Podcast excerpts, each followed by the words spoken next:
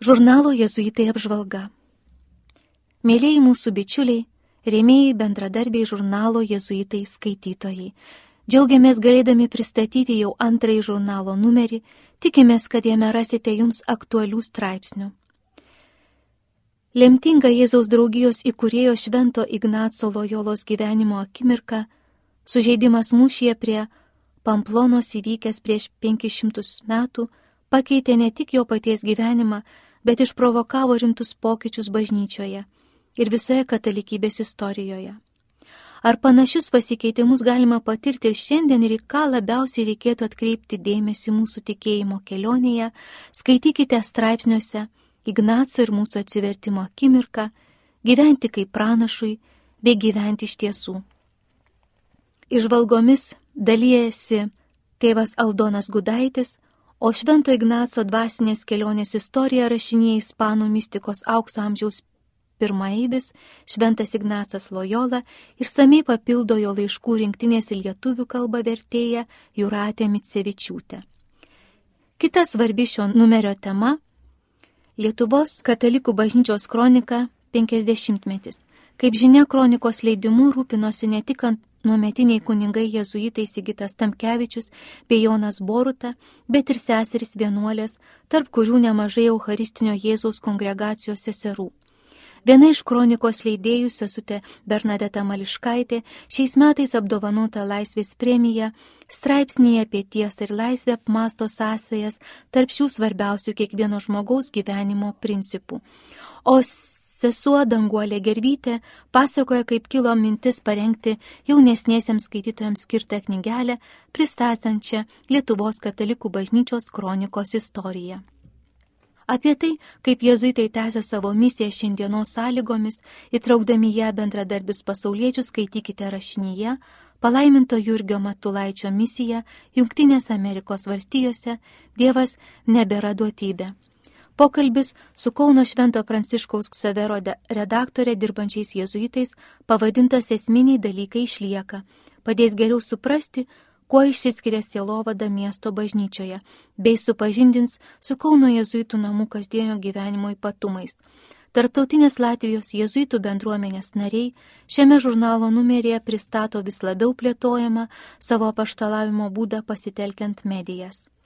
Į klausimą, Ką man davė magis, atsako keletas šios jaunimo sielovados programos dalyvių, o Kauno jezuitų gimnazijos plėtros skyriaus specialistė Liauda Mažiekienė savo pasakojimų žurnale paliūdėjo tai, kokios galimybės jai atsivėrė ignasiškai keliat pažinus kaip savo gyvenimo krypti.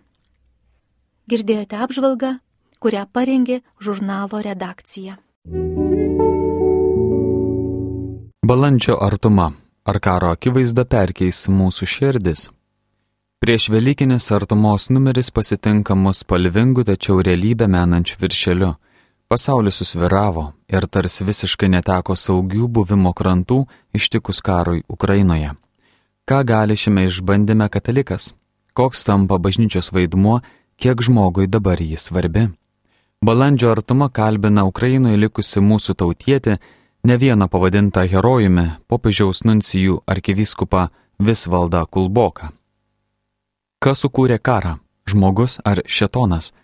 Pasak nuncijaus ginklai, politinės ir diplomatinės priemonės kare tampa ribotos, bet giliaja prasme, tik likdami širdyje ištikimi Dievui ir savo, galime viltis gyventi be karo. Iš kokio fantastinio filmo Ukrainoje esantis kunigas regi senyvą moterį, renkančią maistą iš paukščių lesyklos. Kijeve dar veikia duonos kepikla, pasakoja arkivyskupas, ir tai 21 amžius. Taip norisi, laiškė skaitytams rašo redaktorius Darius Chmeliauskas, kad kažkas kitas pasikeistų. Dieve, perkeisk to, ano ir dar jos širdis. Tik ar prašome savo pačių širdies perkeitimo? Artumos redaktorius iškelia netokį jau retorinį klausimą, kokia turėtų būti bažnyčios ir kiekvieno jos nario laikysena karo atveju. Ir ar tai turi ką bendra su sinodiniu keliu? Koks karo šalutinis poveikis žmogui, bažnyčiai? Kas iš to, kad esame krikščionys? Ar tikėjimas veda į liudėjimą darbais? Tokiais klausimais ir temomis artumos redaktorius pakvietė pasidalyti mintimis psichologę profesorę Danutę Gailienę, sociologę daktarę Ireną Laumenskaitę, kardinolą Audrį Juozabačkį ir LRT TV laidos išpažinimai vedėją teologę Viktoriją Urbanaitę. Šalia egzistencinės kalties, jo kare žūsta žmonės, išgyvenamas ir kitas klausimas - ar visa tai vyksta su Dievo žinia? Kas tai per pasaulis, kokia prasme tokiame gyventi? Profesorė Gailienė nurodo konkrečius savęs tvarkymo būdus, kaip gyventi, neprarandant savitvardos ir tikėjimo. Sociologija Lumenskaitė akcentuoja pasirengimą, veiksmo svarbą bei tai, kad mums reikia tikėjimo, kuris yra giliai asmeniškas ir reiškiasi valia jame laikytis. Galbūt per gerai gyvenom, per mažai rūpinomės broliais, sesėmis, žiūrėjome tik į savo gerovę ir taip išauginome Putiną, teigia kardinolas Bačkis ir klausia, ar išmoksime ko nors daugiau iš šios situacijos ir išeisime geresni. Karo pradžia kėlė nerimą ir vienišumo jausmą. Kurgi yra mano bažnyčia? Konkrečių veiksmų į tai atsakė teologija Urbanaitė, umai persmelkus suvokimui, jog aš ir esu bažnyčia.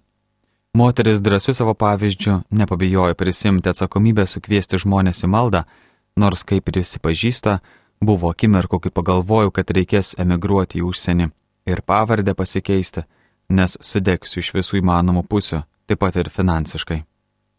Istorikas daktaras Darius Baronas apžvelgia Ukrainos kovą už laisvę bažnytinėme fronte. Juk nepaslaptis, kad Rusijos bažnyčia tapatinasi su valstybe, o Ukrainos stačiatikiškas paveldas Rusijos propagandos kanalai suvokiamas kaip Rusijos stačiatikybės integralioji dalis. Dėl ko? Kokioje padėtyje šiuo metu yra Ukrainos bažnyčia ir kaip Kyivas, Rusijos miestų motina, išsprūdo iš Maskvos rankų. Nereikėtų prakis praleisti, kad popiežius Pranciškus į Ukrainą išsiuntė du kardinolus, jog šie fiziškai išreikštų jo artumą ukrainiečiams. Perdavė reikšmingą finansinę paramą, nekartą tiesiogiai kalbėjosi telefonu su Ukrainos prezidentu Volodymyru Zelenskiu. Šventasis tėvas teigia, kad bažnyčia turi vartoti ne politikos, bet Jėzaus kalbą. Įstabiame paukojimo nekaltai Marijos širdžiai akte, jis skelbiamas balandžio artumoje, suskamba tokie tikinčiojo vilties esmę nusakantis žodžiai. Kai šventė virto liūdėsiu, tu jam pasakėjai, jie nebeturi vyno. O motina, sakyk tai dar kartą Dievui, nes šiandien baigėsi vilties vynas. Mes iššvaistėme žmogiškumą, praradome taiką, išmokome smurto ir naikinimo. Mums skubiai reikia tavo motiniškos pagalbos. Per šių metų Velykas kardinolas Sigitas Tamkevičius minės iškilę kunigiškosios tarnystės 60 metų sukakti. Be to, šiemet minimas Lietuvos katalikų bažnyčios kronikos 50-metis. Kunigystė reikalauja pasišventimo, teigia artumos kalbinamas kardinolas savojo aš išsižadėjimo. Kaip šitai pasiekti aplinkoje, perpildytoje daiktų, sekso ir patogaus lengvo gyvenimo kulto, aš neturiu atsakymo. O sinodiniu keliu einant akcentuoja kardinolas svarbu neperžengti kompetencijos ir meilės ribų. Kartūzų ordino generalinis prioras Dismas Delasus knygoje Vienuolinio gyvenimo pavojai ir nukrypimai, kurią išleido Magnificat leidiniai, sulaužo tylą ir prabyla apie dvasinio piknaudžiavimo skaudulius religinėse bendruomenėse. Ką daryti, kad šventumo mokykla netaptų vergystę? Apie tai kalbinamas Tiberiados bendruomenės brolis Joakimas sako, dvasinis piknaudžiavimas kyla tada, kai užuot vedęs į Dievą, žmogus veda į save, pats tampa viso ko centru. Tai yra kontrolės fenomenas. Uždėti ranką ant kito jį užvaldyti. Neišvengiamai kyla asociacijos su karo priežastimi, juk blogis prasideda galvoje. Apžvalga parengė Dovilė Zelčiūtė.